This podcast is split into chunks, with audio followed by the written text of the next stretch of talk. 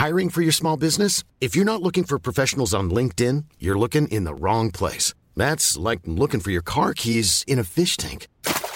LinkedIn helps you hire professionals you can't find anywhere else, even those who aren't actively searching for a new job but might be open to the perfect role. In a given month, over 70% of LinkedIn users don't even visit other leading job sites. So start looking in the right place. With LinkedIn, you can hire professionals like a professional. Post your free job on linkedin.com slash people today. When you're ready to pop the question, the last thing you want to do is second guess the ring. At BlueNile.com, you can design a one-of-a-kind ring with the ease and convenience of shopping online. Choose your diamond and setting. When you find the one, you'll get it delivered right to your door. Go to Bluenile.com and use promo code LISTEN to get $50 off your purchase of $500 or more. That's code LISTEN at Bluenile.com for $50 off your purchase. Bluenile.com code LISTEN. Burrow's furniture is built for the way you live. From ensuring easy assembly and disassembly to honoring highly requested new colors for their award winning seating, they always have their customers in mind. Their modular seating is made out of durable materials to last and grow with you. And with Burrow, you always get fast, free shipping. Get up to 60% off during Burrow's Memorial Day sale at burrow.com slash ACAST. That's burrow.com slash ACAST. burrow.com slash ACAST.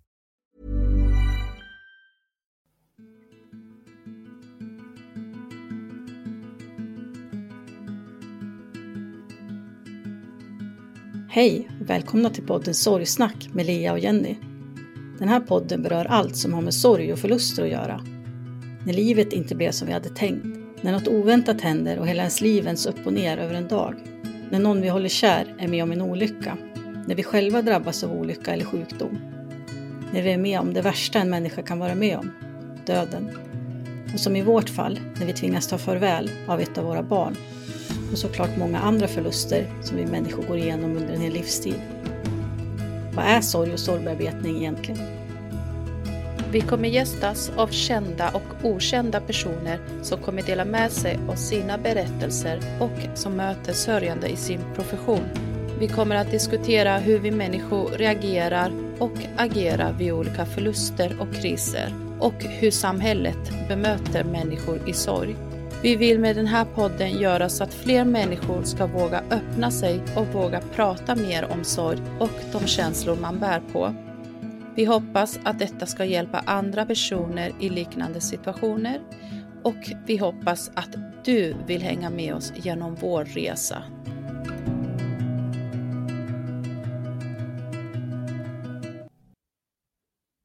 Jag sitter på knä i hennes rum. Jag luktar på ett otvättat nattlinne som jag vet att hon älskade att sova i. Mina tårar får äntligen komma ut. Jag känner det. Jag känner ensamheten sköljas över mig och jag känner hur oron skrämmer mig. Något stryper mig inifrån. Min hals fylls av rädsla som trycker sig uppåt. Mitt liv håller på att gå sönder och jag kommer aldrig få tillbaka det. Mitt namn är Frida Jolbring och jag är född en kall vinterdag 1997. Mitt liv kretsar kring äventyr och utflykter. Jag älskar när det händer saker. Och mitt mellannamn, det är Spontan. Jag brukar åka till olika badhus och kan vara där i flera timmar. Men min familj kommer att vara med om något hemskt. Som under en tid kommer ta ifrån oss den glädjen och den spontaniteten. Livet kommer istället ge oss en noggrann, utplanerad vardag. En kamp för våra rättigheter och en sorg som är svår att bearbeta. Jag är snart 12 år och min största idol är min stora syster. Hon är allting för mig och jag avgudar henne. Julia som min syster heter har precis fyllt 15 år. Vi har haft kalas och alla var där och hon var så lycklig för att hon har tagit sitt mopedkörkort. Jag och Julia har kört cross hela våra liv, så för henne gick det snabbt och enkelt att ta det. Jag är avundsjuk på att Julia får köra cross på gatan och jag längtar tills jag ska få göra detsamma. Vi lever varannan vecka hos vår mamma och pappa och det känns skönt att ha en syster att dela den erfarenheten med. Jag är känslig och rädd för att bli lämnad efter att mina föräldrar skildes. Så för mig betyder det extra mycket att Julia finns där. Hon hjälper mig att somna när jag är hos pappa eftersom att jag har stor separationsångest och pappa inte alltid har varit där närvarande känslomässigt. Men en dag när jag kom hem till mamma så är Julia inte där. Det är två veckor efter att Julia fyllt 15 år och hon ska sova borta. Vi pratar kort i telefon och vi bestämmer att vi kommer ses imorgon. Istället för att jag ska gå och lägga mig i mitt rum så lägger jag mig bredvid min mamma. Jag vaknar av att telefonen ringer. Min moster ringer med panik och berättar att Julia har krockat med sin moped. Jag ser mammas blick och jag förstår att det är illa. Jag stelnar till och följer mamma med blicken. Hon går fram och tillbaka, in i vårt ekfärgade kök, ser att hon tar en banan ifrån bänken, hon packar en väska. Hon känns alldeles förvirrad. Mamma som alltid är så sansad. Vad ska jag göra? Hur kan jag hjälpa till? Jag går upp och gör det som jag tror förväntas av mig. Jag tar ett par skor och räcker över till mamma. Och innan jag vet ordet av det så står pappa utanför med bilen. Men så illa kan det väl inte vara. Hon har skadat sig och vi ses när vi kommer in till lasarettet. Men när vi kommer fram till lasarettet så hör jag bara ett skrik. Det är Julias kompis som var med vid olyckan och såg allting.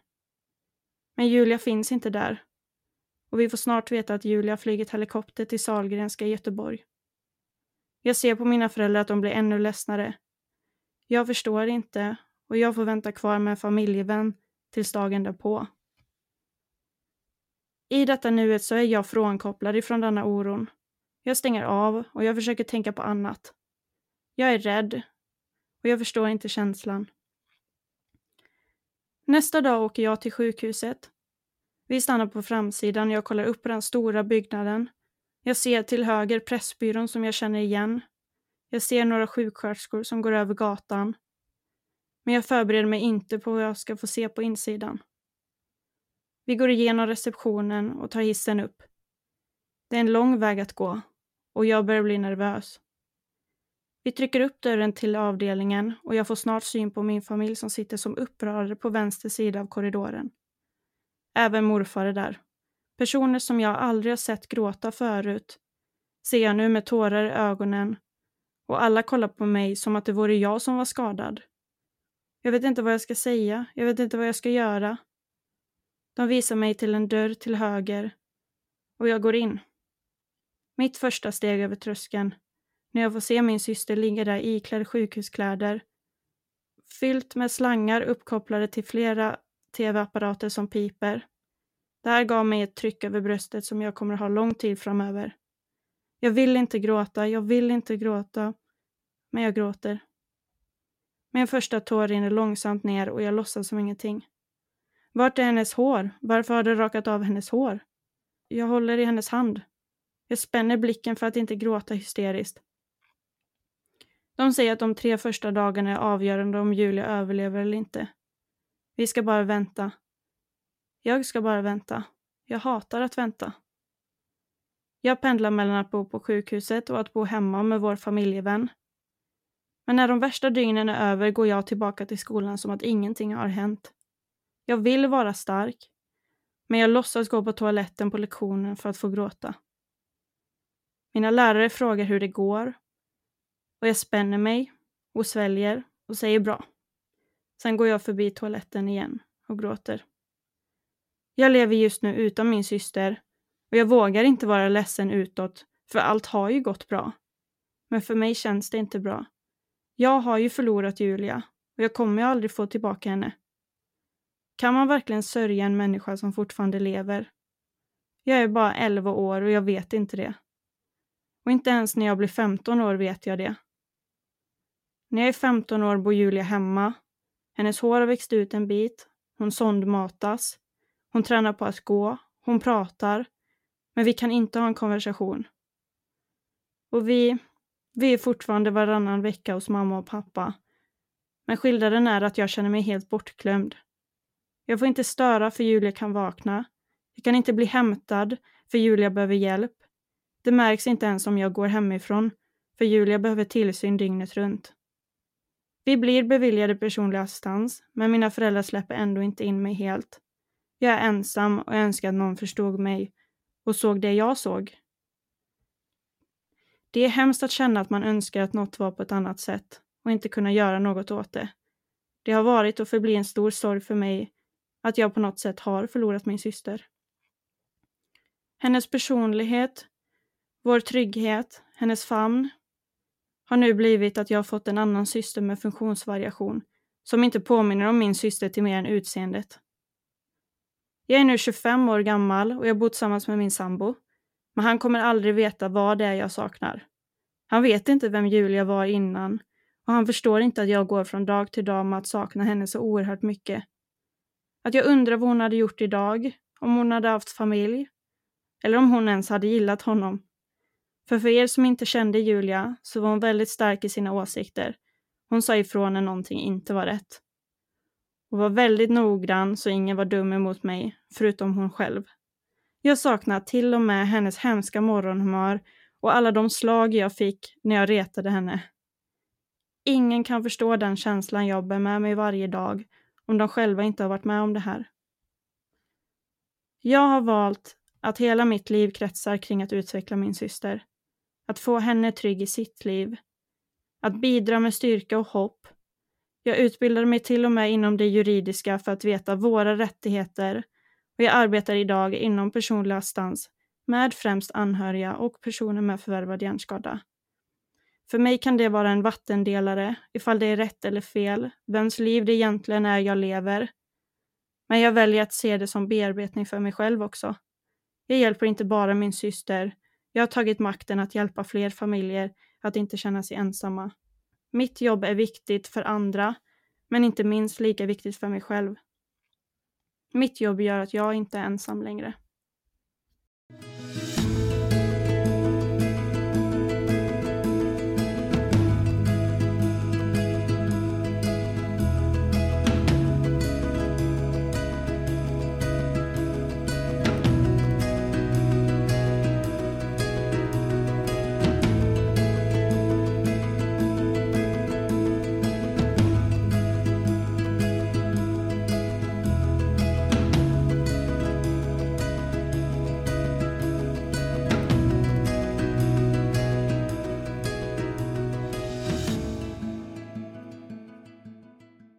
Hej Frida! Hej! Tack så hemskt mycket för det fina introt. Och eh, det var så otroligt berörande att få höra det. Mm, tack. Det är jobbigt att eh, prata om, men det hjälper att man pratar om det. Mm, jag förstår det. Som du sa här så ställde du fråga om kan man sörja en människa som fortfarande lever. Mm. Hur känner du kring det idag? Och jag, jag har fortfarande den känslan att jag inte riktigt eh, får sörja en, en människa som lever.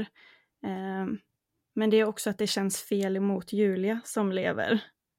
Eh, att säga till henne att jag saknar hur hon var innan, det vill man ju helst inte. Um, så man är ju försiktig med när är man ledsen kring det här. Uh, så det blir mycket i sin ensamhet och det är därför de här forumen med att prata om det är så, så viktiga för mig. Jag har ju föreläst om just den här historien uh, och min första föreläsning så slutade med att jag satt och grät. uh, och idag klarar jag av att prata om det väldigt bra. men mm. det visar ju hur i vilket stadie jag var i början och vart jag är nu. Och det är bara de sista åren som jag har gjort det. Så från, från start och när jag var liten så kändes det väldigt tungt med att eh, jag inte får sörja någon som lever utan att någon har sagt det till mig. Eh, så var det ju varken lärare, eh, kompisars föräldrar eller mina egna föräldrar som, som frågade riktigt hur, hur mår du? För att man ville bara gärna prata om det positiva hela tiden. Och det kände jag att man inte tillät mig att sörja. Mm. Så det, det har varit tufft. Att man inte har fokuserat på, på det som faktiskt var dåligt och det som tog ifrån oss mycket tid som familj också för att vi, vi hade ju mycket tid för varandra innan Julias olycka. Och sen så togs eh, den tiden ifrån oss. Och det har vi inte diskuterat så mycket hemma. Mm. Skulle du kunna berätta lite mer ingående vad det är för skador som Julia har fått Ja. av den här olyckan.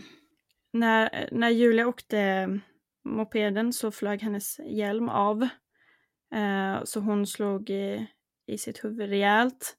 Eh, och varför hon fick flyga helikopter var ju för att det var så nära att Julia eh, skulle dö annars. Eh, och den eh, skadan som hon fick heter DAI-skada.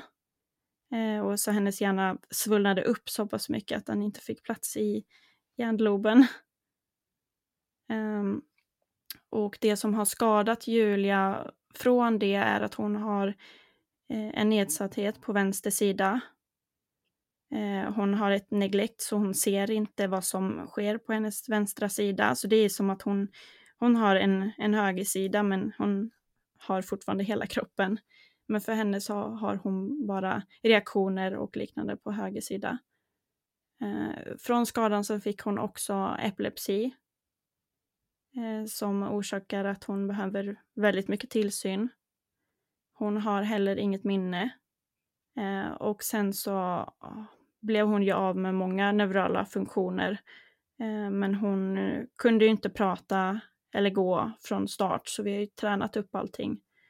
Så hon har inget minne alls från hennes tidigare liv då så att säga, innan olyckan? Eh, hon har minne från sitt eh, tidigare liv men hon har inget korttidsminne. Eh, så hon minns inte vad hon gjorde för en kvart sedan. Eh, och hon minns eh, vissa delar ifrån hennes tidigare liv. Men eh, hon kan blanda ihop åldrarna och det hon tror att hon gjorde när hon var 14 kanske hon gjorde när hon var 7 och liknande. Så hon har ingen riktig verklighetsuppfattning. Eh, Så Julia är ju väldigt utlämnad för sin omgivning och behöver mycket stöd hela tiden. Eh, Stöd och eh, motivation i att kunna utföra allt vad hon gör i sin vardag. Så hon har ju assistans dygnet runt idag. Det har varit eh, tungt och vi har kämpat så oerhört mycket med att eh, få tillbaka henne från att eh, när hon fick komma hem så sa läkarna att, att vi inte ska hoppas på mer nu, att hon, hon har utvecklats färdigt. Eh, men vi gav oss inte och eh, idag kan hon ju både gå och prata. Hon kan göra många saker själv, men eh, hon har fortfarande ett stort eh, hjälpbehov. Men det var alltså någonting som enligt läkarna inte skulle vara möjligt egentligen? Ja, Eller hur uttryckte de sig? ja eh, kort och gott så, eh, så sa de inte så mycket mer än att eh, vi, sk- vi ska vara nöjda av det som har blivit. Vi gav ju inte upp det utan vi alla vill ju gärna få, få henne tillbaka så lite som möjligt. Eh, även om vi förstår att det är svårt Ehm, så har vi ju har vi aldrig gett upp. Som jag förstått det så är ju det som är, har varit eh, det största, det stora drivet i det du gör idag. Just kampen för att få rätt hjälp och assistans eh, överhuvudtaget. Men sen också att på något sätt kunna göra lite mer än det. Men hur har, hur har det varit? Alltså har ni mött på mycket motstånd eller så? Så här, det var ju det första motståndet som vi mötte som vi kan tycka var fel. Att man liksom begränsar eh, någon som har överlevt med att det kommer inte bli så mycket bättre. Eh, självklart ska man inte ge för mycket förhoppningar. Eh, men det finns nog många som, som nöjer sig där och stannar då och så är det ett liv som går till spillo. Eh, för Julia var, när hon vaknade, en, eh, en grönsak. Eh, hon kunde inte göra någonting själv. Eh, så vi det var det första motståndet. Eh, och sen kan jag ju se som anhörig att eh, jag som syskon har inte fått rätt hjälp. Eh, och där väcktes ju mitt intresse för anhörigperspektivet. Hur jobbar man kring hela familjen som är med om ett trauma? Eh, men just den här assistansbiten eh, intresserade mig väldigt mycket för att jag blev ju av med mina föräldrar under en viss period och ja men jag har inte fått tillbaka dem helt och hållet eftersom att mycket uppmärksamhet behöver gå till min syster. Men assistansen gjorde ju att jag fick tillbaka dem till viss mån. Eh, och det frigjorde ju mycket tid och ork till mina föräldrar. Eh, så där, eh, där känner jag också att eh, man behöver jobba på att göra assistansen bättre för familjer så att det verkligen ska gå att föräldrarna tar ett steg tillbaka och inte är närvarande hela tiden trots att man har assistans. För i många fall så kan det också vara att man har assistans men det är föräldrarna som gör allting. Um, och man utbildar inte assistenterna tillräckligt väl för att de ska kunna ta ett helhetsansvar för den personen som kräver den hjälp. Eh, och då kan inte jag som syskon få mina föräldrar fullt ut. Eh, så där är mitt stora intresse för just assistansen. Eh, men sen eh, så har ju vi, vi har ju varit med om motgångar att Julia har backat i sin utveckling. Som sagt så har hon ju epilepsi. Det skadar ju hjärnan. Hon kan ju falla och hon har slått i huvudet igen och liknande så hon har blivit sämre och sen så får vi träna upp det på nytt. Eh, så är det liksom som att man kommer ett steg framåt och sen så backar man två steg. Så känner man sig uppgiven. Eh, men nu, nu är man glad att man inte gav upp men man klarar ju inte hur många smällar som helst. Eh, så det, det, har, det har varit en kamp. Och det här med rättigheter. Vi är ju faktiskt i en, i en omprövning precis som Julia hade rätt att ha fortsatt assistans. Ehm, där de eh, bedömde henne till att hon eh, inte har rätt till assistans och hon gick från dygnet runt assistans till noll timmar. Eh, så jag har suttit nu eh, från morgon till kväll eh, sen vi fick det här beskedet och skrivit på en, eh, en överklagan som jag skickade in igår. Så vi hoppas verkligen att hon får behålla det, för det är det som har gjort att hon har fått ett värdigt liv efter att hon överlevde. Men vad märkligt, men vad grundar de det beslutet på helt plötsligt? Alltså den här utredningen som är gjort sen, eh, sen innan är eh, ganska vagt skriven. Den är inte så eh, väl genomförd. Och det de har gjort då varje år är att de har bara tittat på den och sen bara fortsatt assistansen hela tiden. Och som man hör hela tiden så är både kommun och Försäkringskassan hårda nu med att dra in assistanser. Eh, så nu när de mm. tittade på detta eh, så höll väl inte den helt måttet.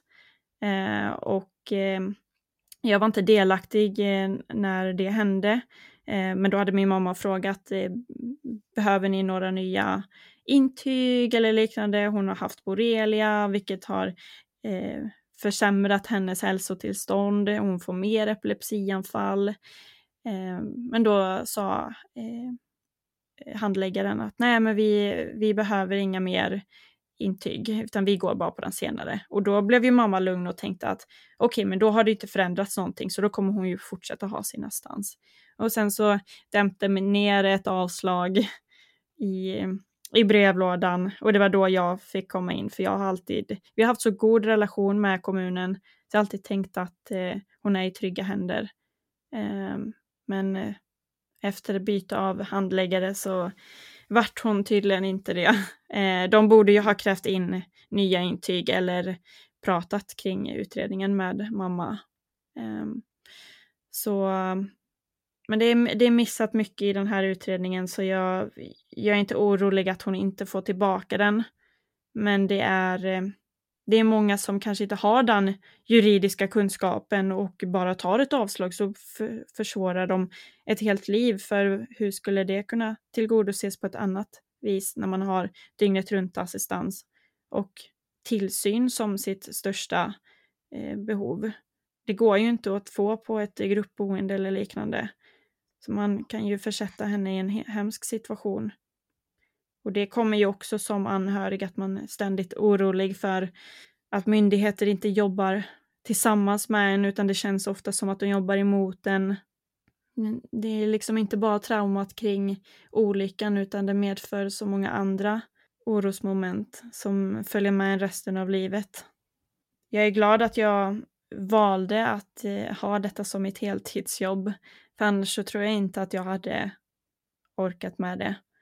Um, och jag beundrar alla föräldrar och andra syskon som, som har ett annat deltidsjobb där det inte innefattar ja, men att man har ett annat intresse. Nu intresserar jag mig väldigt mycket för funktionsrättsfrågor.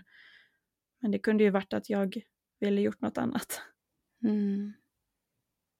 Men var det ett eh, lätt beslut att fatta när den dagen väl kom? Alltså efter studenten så valde jag att arbeta som personlig assistent hos min syster. Eh, men 2017 så valde jag att bryta mig loss inom citattecken och valde och skulle studera till textilingenjör för att jag ville gå min egen väg. Eh, men det blev inte så bra och jag, jag kände att det hände för mycket saker hos min familj och min syster som jag också ville vara med och påverka. Ehm, och jag ville ha kontroll och jag ville såklart hjälpa mina föräldrar och min syster. Ehm, så jag hoppade av efter ett år och började istället läsa kurser inom juridik. Samtidigt som jag tillsammans med min mamma skötte Julias assistans i egen regi för att allt fallerade när hon var på ett eh, assistansbolag som inte eh, utbildade assistenterna rätt och eh, kunde sköta det så som vi ville. Eh, så jag hade mm. några år av eh, sorgbearbetning där. Eh, så, ja, det innebär också bearbetning av den eh, ständiga oron som funkisfamiljer lever i. Eh, men den som, eller det som hjälpte mig då är att förstå den värld vi lever i. Så då är det ju världen av personlig assistans, världen av läkarbesök och våra rättigheter i dessa frågor, att kunna känna sig säker på lagen och att ingen kan köra över oss. Ehm, så det var viktigt för mig att förstå eh, hur man ska handskas med allting. Och de ständiga eh, jobbiga frågorna var just mot myndigheterna. Så då var, fanns det inget mer än att sätta sig i skolbänken och eh, ta lagen eh, i sitt kunskapsnät. Mm. Och idag är du medgrundare till Syskonjuristerna. Mm. Skulle du kunna berätta lite mer om det? Ja. Eh, syskonjuristerna bygger just på att, eh, att jag som själv syskon inte kände att jag fick rätt hjälp och att eh, trots att vi fick assistans och liknande så blev inte mina föräldrar tillräckligt närvarande för mig ändå. Eh, så jag började med att jag föreläste om historien och sen kom jag i kontakt med en annan tjej som eh, jobbar med liknande frågor eh, på EU-nivå och själv föreläst som jag har lyssnat på. Eh, så vi gick ihop eh, med, eh, ehm, med viljan om att frigöra tid för föräldrar. Eh, och detta genom att vi erbjuder rådgivning för föräldrar eh, och anhöriga. Eh, vi kan tilldela en mentor till syskon som själva hade velat eh, prata med någon, ha någon som en extra vän. Um, för det är just det, i den här situationen som jag befann mig i när jag var eh, 12 år. Jag hade ju ingen annan, jag visste ju inte eh, hur andra har det som har varit med om detta. Det fanns inget sånt nätverk just då. Um, och um, anhörigstöden, det blir en blandad eh, grupp så det kan vara att du sitter med föräldrar och vi tycker ju redan som syskon att föräldrar och den skadade tar över eh, hela våra liv hela tiden. Så vi tyckte, både jag och Jessica som är min partner i detta, att det är viktigt att vi fokuserar på bara syskonen. Och då har vi även aktiviteter för de här syskonen. Men eh, det som vi har gjort än så länge, eh, det är att vi har eh, bidragit som mentorer för andra syskon och haft workshops eh, för alla intresserade. Eh, och sen så har vi frigjort tid för föräldrar genom att vi kommer med kunskapen på det juridiska planet. För de ska veta vart ska jag söka mig när jag vill eh, veta vad jag har för rättigheter kring bidrag, hur ansöker jag om personlig assistans, har mitt barn rätt till assistans ofta sånt som eh, föräldrar lägger tid på kvällarna så fort de har en ledig, ledig tid istället för att eh, umgås med det andra barnet. Eh, så där, där har vi eh, bidragit till mycket och det har varit eh, tacksamt för föräldrar eh, men framförallt för andra syskon. Och vi får ju också ut jättemycket av att göra denna hjälpen till andra. För vi Mm. får ju också, precis som jag sa innan, att vi, vi känner oss mindre ensamma för vi får träffa så många härliga som kommer med sin erfarenhet och alla bidrar ju med olika eh, historier som hjälper varann. Vad fint. Mm. Är det någonting ni gör vid sidan av så eller hur, hur mycket tid lägger ni ner på det? Ja, det tar många, många kvällar eh, och vi åker runt en del, jag och Jessica tillsammans. Hon jobbar eh, eh, mycket med detta eh, och eh, är väldigt duktig på att prata med folk och föreläser mer än vad jag gör. Eh, så på det, det planet så jobbar hon kanske lite mer med detta medan jag är mer aktiv med att svara på de juridiska frågorna och sen så har jag ju mitt heltidsjobb så jag, eh, ja, jag får, jag får ta den tid som jag har över. Men en förhoppning är väl att kunna eh, växa och att fler ska komma in och hjälpas åt så att fler kan få svar snabbare ifrån oss för nu hinner vi inte alltid. Mm, det är en, en förhoppning. Vi har inte funnits så jättelänge heller. Hur länge har ni funnits? Eh, sen eh, förra hösten. Så snart Mm. ett år. Mm. Och vad har ni fått för respons från folk utifrån? Väldigt mycket att eh, det här var efterfrågat och att det borde ha kommit tidigare. Vi har fått tårar av föräldrar som önskade att deras barn också hade haft förmånen att kunna delta i något sånt här, men att de är vuxna idag. Eh, det är väldigt många föräldrar som är ja, men ledsna och har dåligt samvete för sina barn. Och det är vi väldigt eh, måna av att berätta att det här att vi känner att våra föräldrar inte har kunnat ge oss tid, det är ingenting emot föräldrarna eller att någon har gjort något fel. Utan jag tycker att det är samhället som har bidragit för lite med kunskap eh, och resurser till att eh, det här ska finnas. Eh, för att man, man kan inte veta någonting som ingen har sagt till en Mm. eh, förrän man har varit med om det själv. Så mina föräldrar kunde inte veta när detta hände med min syster att de var tvungna att fånga upp mig också. Och vilken förälder orkar egentligen göra det när man knappt orkar duscha? Mm. Så det är en, eh, en hemsk situation eh, och man ska inte gå med dåligt samvete för att eh, livet blev som det blev. Men vi, vi försöker att innan folk hinner få dåligt samvete eller att barn hinner känna att de åsidosätts, att vi finns där. Mm. Och någon gång måste man börja. Mm. Absolut. Så Mm. är det. Men vad skulle du säga har hjälpt dig mest i din egen sorgbearbetning i allt det här? Eh, för min egen personliga utveckling och egentligen de psykologtimmarna som jag kanske hade behövt eh, som 15-åring så har det nog istället hjälpt mig att föreläsa om olyckan eh, och den skadan som det orsakade. Eh, att ge historien vidare till andra. Eh, som jag sa så första gången jag föreläste så började jag ju gråta och eh, jag hade inte kunnat sitta här och prata om detta utan att börja gråta eh, för bara, bara två, tre år sedan. För jag tyckte det var jättejobbigt och jag höll länge en barriär om att jag ska vara stark och man, man ska inte sörja någon som lever och eh, du behöver inte berätta utan låtsas som att allt är bra så blir det till slut Mm. bra. Alltså jag levde lite instängt och det var även under olyckan eh, precis efteråt så stängde jag in mig mycket på mitt rum så mina föräldrar var så här, men hon, hon är stark, hon klarar sig. Eh, det är inte så att hon kommer och störtgråter för oss och behöver hjälp utan vi kan fokusera på annat. Men det gör man ju för att man ser att sina föräldrar har mycket och då lärde jag ju mig att ja, göm undan dig eh, och så kommer du ut sen så är allt bra för då låtsas föräldrarna också som att det är bra. Men det är jätteviktigt att man får sätta ord på det man känner. För alla mina känslor då var ju okej. Men jag tänkte att de var fel. Som tolvåring så vet ju inte jag varför jag tänker att jag önskade att min eh, syster kanske borde dött så hade vi haft det lättare.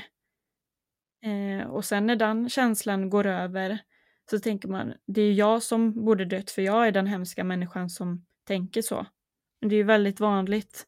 Och jag tror även att föräldrar har tänkt så mm. om det är personer som har en funktionsnedsättning.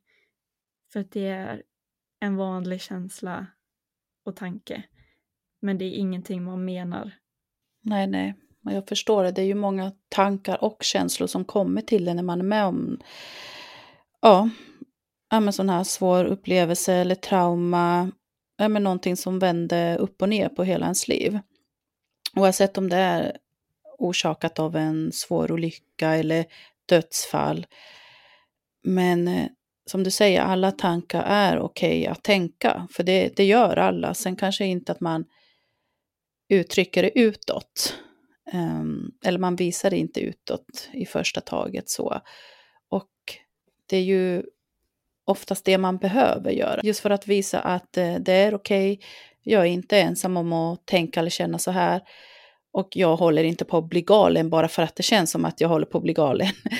Eh, men det är så det är och verkligheten ser ut så för många människor där ute.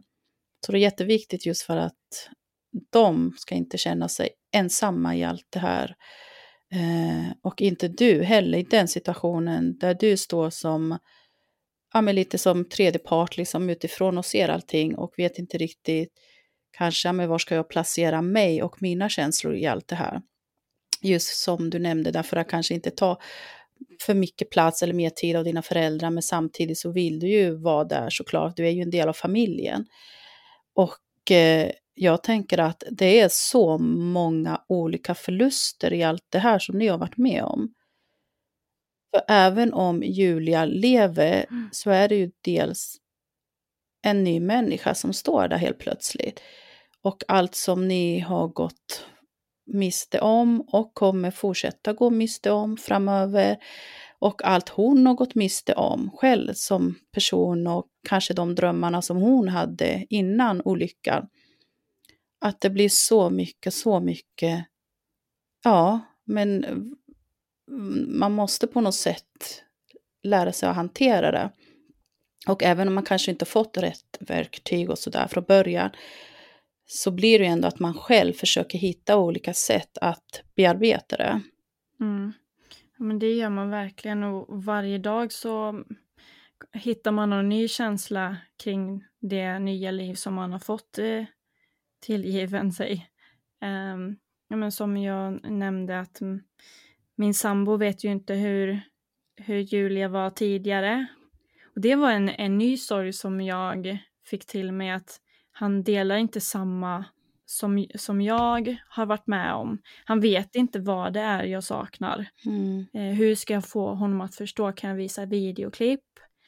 Ja, då har vi knappt några videoklipp. Eh, så det var liksom en sorg att, men Julia är en så stor del av mitt liv och så kan inte han kolla på henne och se det jag ser. För jag ser ju fortfarande vem hon var innan och jag saknar ju många egenskaper och personlighetsdrag som hon, som hon hade innan olyckan. Men han ser ju en väldigt glad och sprallig Julia idag. Och då blir det lite så här att ja, men hon har ju det jättebra, hon är så lycklig, så du behöver inte vara ledsen Frida. Mm, fast det är ju inte det är inte det jag är ledsen för. Jag är inte ledsen att hon står där och är glad. Jag är ju jätteglad att hon är det. Mm. Men jag saknar ju en person som inte finns bland oss idag. Så det var en ny sorg som jag fick känna. Att han inte, han kan inte förstå helt. Och det är ju liksom kopplat till henne. Men en sorg hos mig. Så tror jag att det är för många. Att det behöver inte vara så starka eh, det behöver inte vara så starka sorger som personen behöver prata om, utan det kan vara sådana här små saker som bara påverkar ens vardag, som sänker humöret eller sätter igång tankarna lite mer för stunden. Ja, ja men det förstår jag. Jag kan bli frustrerad också för jag möter ju många föräldrar både i mitt jobb men i syskonjuristerna som kommer och bara vill fråga lite kring deras situation eh, och ha lite bekräftelse på att ja, men ditt barn är inget så kallat skuggsyskon. att de vill höra det från mig att ni, ni har inget barn som är skuggsyskon utan ni är så duktiga och tar hand om alla barn. Medan det ofta är de barnen som inte visar det som behöver mest stöd. För jag kan känna själv att jag visade ju inte det och jag har nog behövt bearbeta det mycket mer än någon som har pratat om det från tidig ålder eller varit medveten om det. Jag behöver ju ta det snacket med båda mina föräldrar idag om hur jag kände då, för det var ingen som frågade mig då.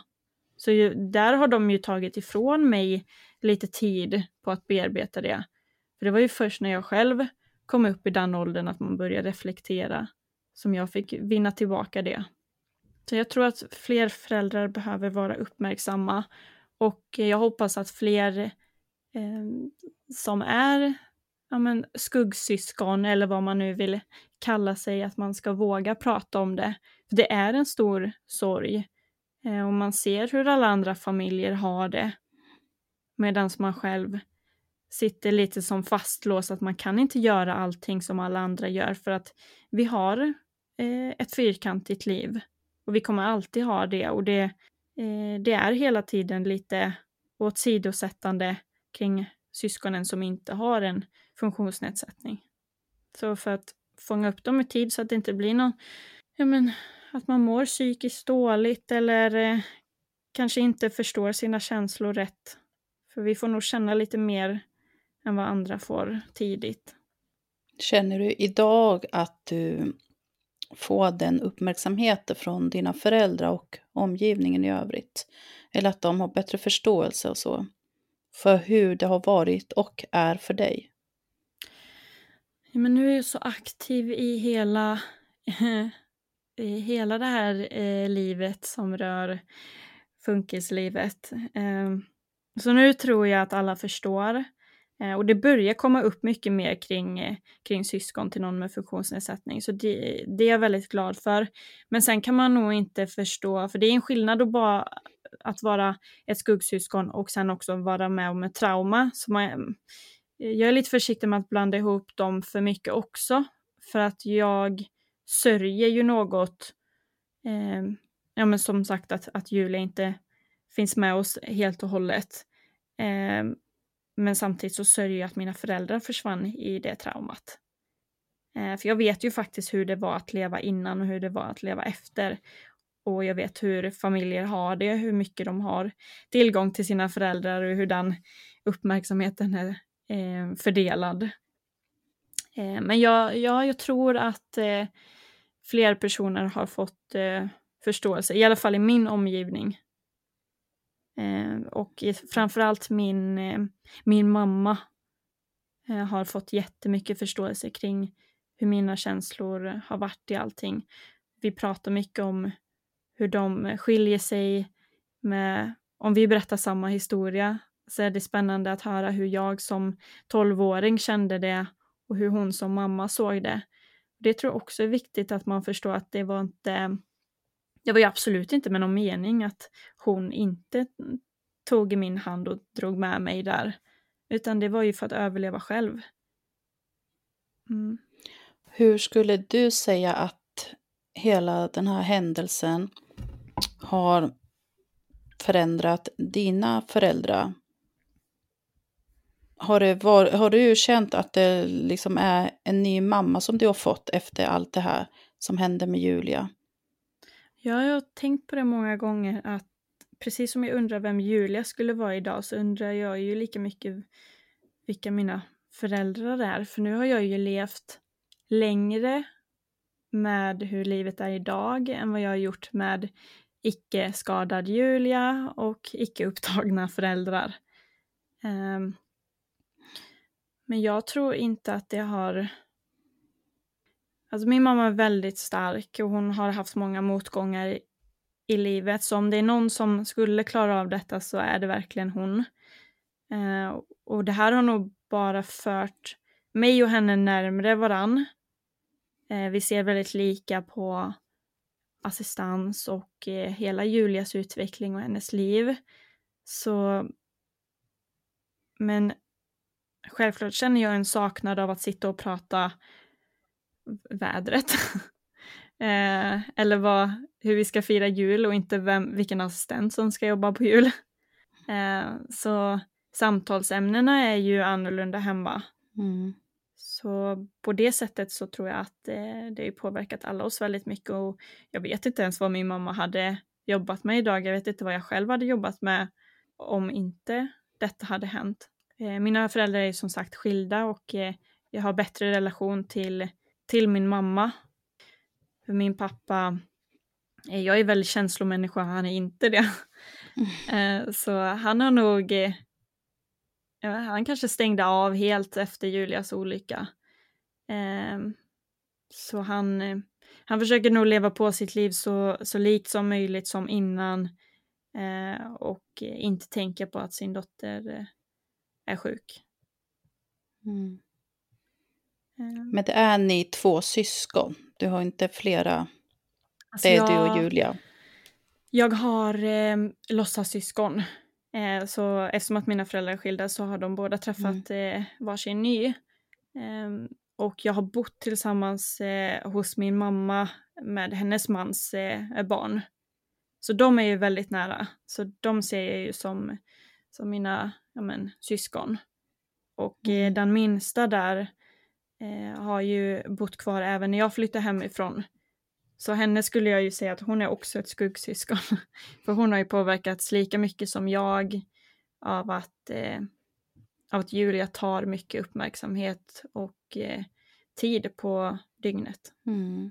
Eller så fort telefonen ringer så måste man svara för att det kan ha hänt någonting. Och liknande. Det är en stress som man bär med sig varje dag. Har ni då kunnat stötta varandra och finnas där för varandra då i allt det här? Ehm, eh, den lilla tjejen är väldigt eh, lik som mig. Jag tror att hon stänger in sig på, på rummet om hon känner sig ledsen. Så det var först när jag började föreläsa och hon kom och lyssnade som jag och hon fick ett enligt mig speciellt band för då ser jag henne sitta i publiken och gråta. Eh, och det, det gjorde mig såklart ledsen att hon känner samma som mig, men det gav mig också väldigt mycket kärlek för jag förstod att jag inte var ensam. Och det har varit jätteviktigt för att det, jag hade inte de låtsassyskonen när olyckan hände, men de kom in eh, så kort därpå. Eh, men där hade jag en stor sorg att varför hade jag inte ett till syskon som jag kunde dela den här erfarenheten med? Um, det hade jag uh, verkligen behövt för att mina föräldrar hade ju varandra. De kunde prata med varandra. Mm. Uh, de kunde också sätta ord på sina känslor mycket bättre än vad en tolvåring kan. Så jag, uh, jag hade verkligen önskat att det fanns någon mer av mig och Julia vid olyckan. Så när jag såg henne sitta där i publiken och eh, gråta så blev jag rörd att jag inte är ensam. Mm. Jag vet ju att eh, Julia innan olyckan hade en dröm. Hon ville bli sångerska, eller hur? Ja. Hon tyckte om att sjunga och spela. Kan du berätta lite mer om den Julia?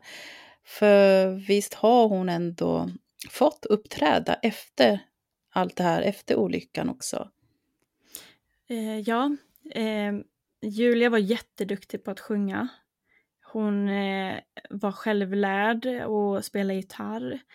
Eh, hon spelade piano, så hon var väldigt musikalisk. Till skillnad från mig som är tondöv. Så eh, jag förstörde väl mest när hon satt hemma och övade och jag ville vara med. Men hon ville ju verkligen eh, sen när hon hade åldern inne att eh, ja, men söka till Idol om hon blev av med sin scenskräck. Men det var en dröm hon hade eh, och sen när hon blev eh, hjärnskadad så tappade hon ju sin röst och hon fick aldrig tillbaka den så som hon kunde sjunga innan.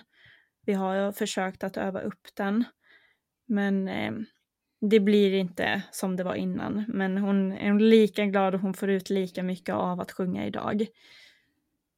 Så för ett tag sedan så fick hon uppträda på en funkisfestival som heter Startis som är lite som Idol eh, fast på Youtube. Så då är hon jättestolt att hon är med och eh, hon har ju som sagt inget, eh, inget minne, eller hon har, inte ett kort, hon har inget korttidsminne. Så hon minns ju inte saker, men just det här klippet, hon, hon kommer alltid ihåg att hon har varit med på Startis, så hon kan googla upp det och hitta det Mhm. och visa det för folk. Men eh, annars så kommer hon ju inte ihåg så mycket, så det är väldigt fint att hon, eh, att det här har satt sig. Mm. Och det, har, det är någonting för henne med sånger. Alltså jag kan ha hört en, en låt på, på radion två gånger och sen så träffar jag henne och så hör jag den igen på radion. Och så sjunger hon med i den. Så kan hon texten. Och då är det, alltså det är helt otroligt att hon, hon kommer ihåg det för att hon har typ lyssnat på den en gång. Så det är någonting i hennes hjärna som snappar upp när det är eh, sång. Så det är jättehäftigt. Så vi övar jättemycket. Hon är med i ett, eh, eller hon själv har startat ett funkisband som heter Glada Stjärnor. Ja, vad som hon roligt. sjunger med. Ja, så de uppträdde igår på Allsång i Svenljunga. Mhm. Så de har jätteroligt och de, de gör så mycket tillsammans. Men hon blir väldigt hjärntrött så hon får vara med korta perioder. Men det, är- det är också någonting som vi verkligen har eh, ja, men kämpat för att hon ska kunna göra.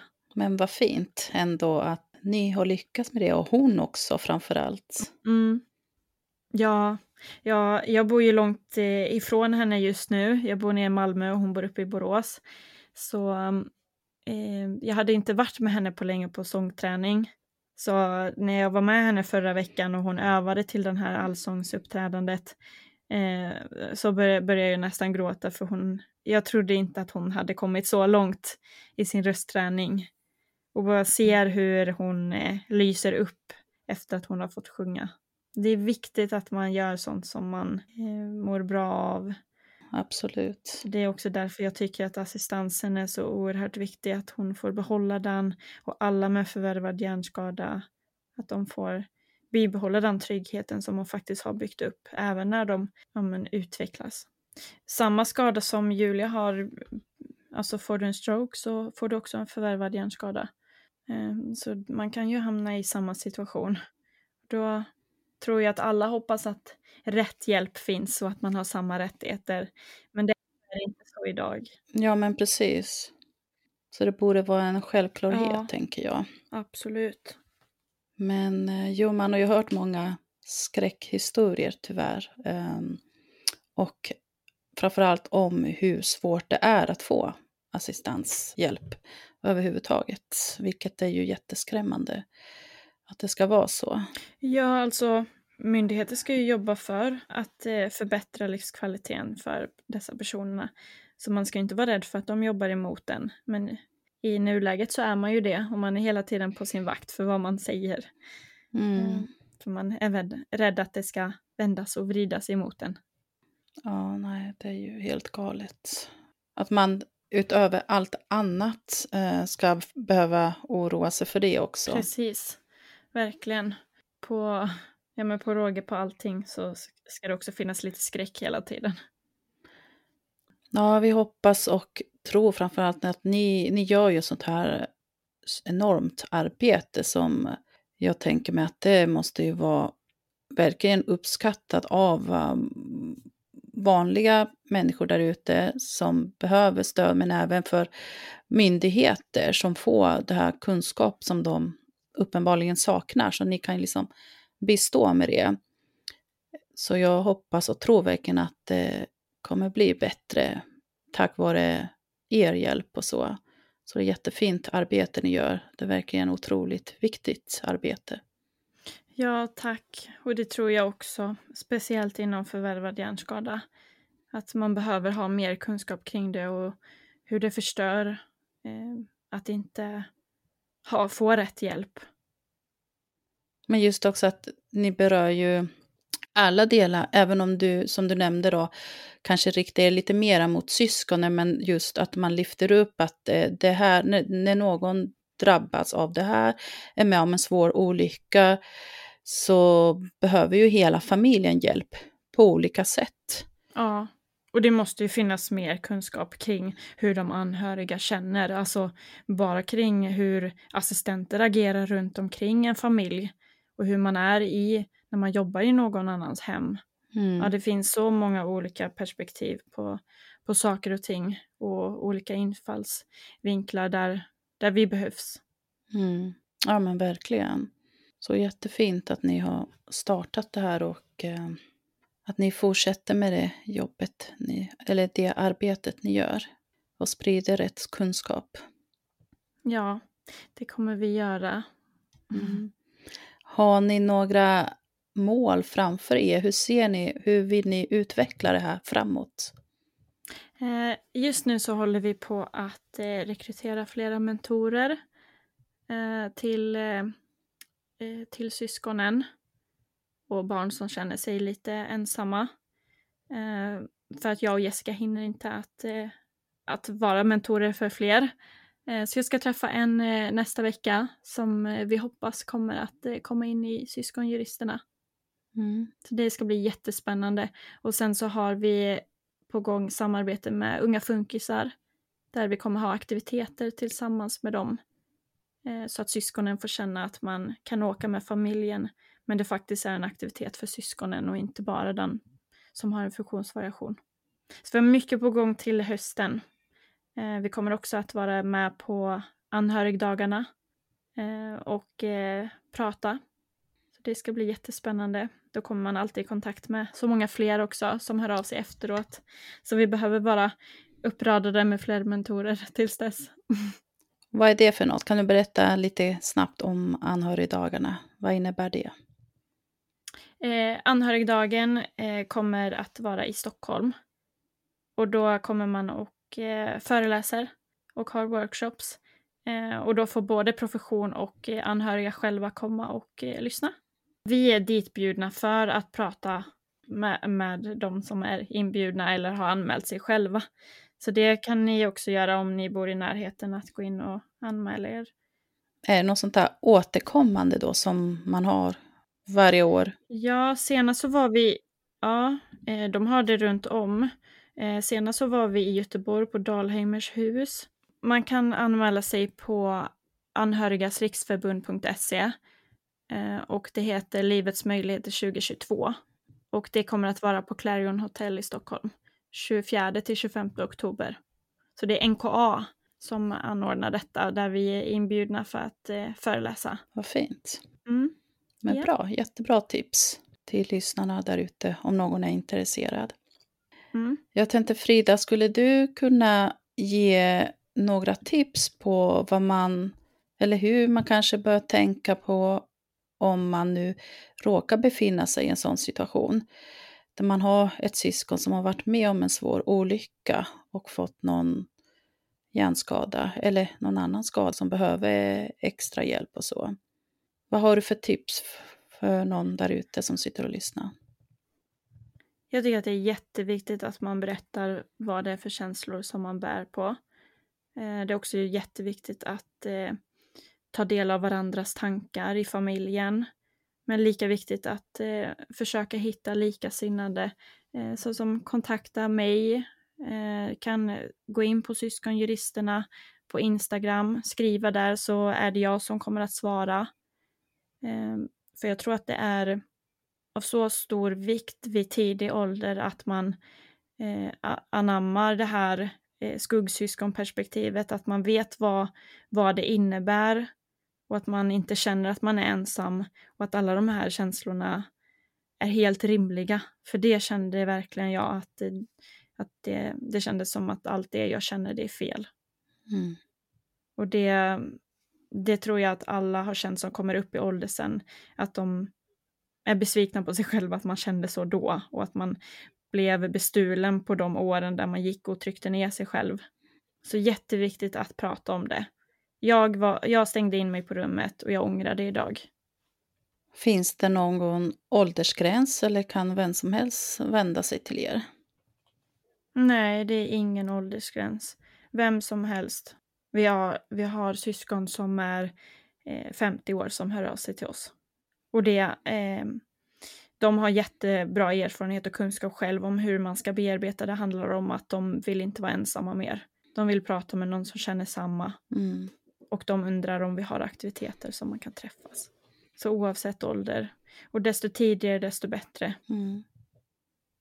Jag tänker, kan det kanske vara också en person som har haft ett syskon men som kanske har gått bort, men som ändå har levt med det väldigt länge, många år. Träffar ni på sådana människor också? Mm. Jag hade en, en syster som hörde av sig i ett, eh, ja men precis så som du beskriver. Eh, och kände att hon inte hade fått bearbeta det. Och hon hade även fler syskon. Eh, men att de såg väldigt olika på vad det är för liv de har levt. Så hon ville hitta fler som tyckte, ja, men tyckte så som henne. Och det kände hon att hon fick hos oss på Syskonjuristerna. Så vi har haft mycket kontakt. Mm. Har vi haft. Mm. Så absolut. Oavsett. Och man kan själv ha en funktionsnedsättning eh, och vara ett syskon. Så det finns inga, utan känner man sig igen i det vi pratar om eller själv är anhörig så får man alltid höra av sig. Eller bara är intresserad av att veta mer. Man kanske har en kompis som lever med detta och att man vill eh, veta mer kring det och inte fråga kompisen. Så får man jättegärna höra av sig också. Vi har assistenter som hör av sig för att de tycker att, att det är jobbigt i en viss situation med hur man ska vara mot andra syskonet. Så vi har olika perspektiv. Ja, men det låter jättebra verkligen. För det tror jag är jätteviktigt, att man berör de olika delarna. Så. Mm. Vi kan ju nämna att eh, ni finns ju dels på Instagram under namnet Syskonjuristerna. Om någon vill komma i kontakt med er. Men eh, har ni någon hemsida också eller mejladress? Eh, ja, eh, och vår eh, mejladress är syskonjuristerna.gmail.com. Där kan man också mejla in om man vill skriva längre. Men följ oss eh, för senaste uppdateringar på Instagram. Det är där ni är mest aktiva då?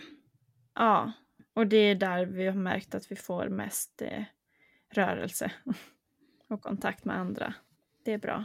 Då får jag tacka dig Ja, tack själv. så hemskt mycket för att du ville vara med och gästa vår podd. Och idag som ni har hört så var det bara jag för min kollega Jenny var tyvärr tvungen att jobba över så hon kunde inte vara med. Men det gick bra ändå detta. Men jättekul verkligen att du ville vara med och berätta dels om din historia och Julias historia och det arbetet ni gör med syskonjuristerna och som personlig assistent. Det är verkligen jätte, jätteviktigt och vi är otroligt tacksamma att eh, vi får vara med och dela det här och, och sprida kunskap om det här, för det behövs verkligen. Ja, men tack snälla att jag fick vara med. Superviktigt att eh, ha någon sån här igenkänning. Jag hade velat lyssna på mig själv när jag var ung. Ja, det förstår jag. Mm, men bara höra att det är någon som har varit med om något liknande. Och att allt blir bra till slut. Mm. Men tack så jättemycket och eh, till våra lyssnare där ute. Hoppas ni redan följer oss på sociala medier. Men om ni inte gör det så vet ni att vi finns på Facebook, Instagram och ni kan även nå oss på vår mejladress som är gmail.com Så hörs vi igen nästa gång. Tack för idag och eh, sköt om er. Hej då!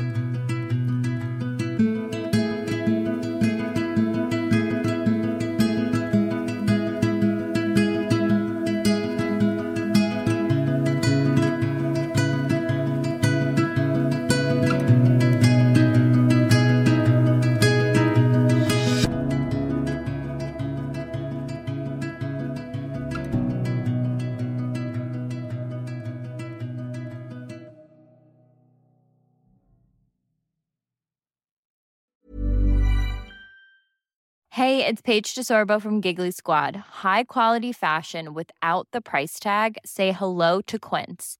I'm snagging high-end essentials like cozy cashmere sweaters, sleek leather jackets, fine jewelry, and so much more. With Quince being 50 to 80% less than similar brands. And they partner with factories that prioritize safe, ethical, and responsible manufacturing. I love that. Luxury quality within reach. Go to quince.com slash style to get free shipping and 365 day returns on your next order. Quince.com slash style.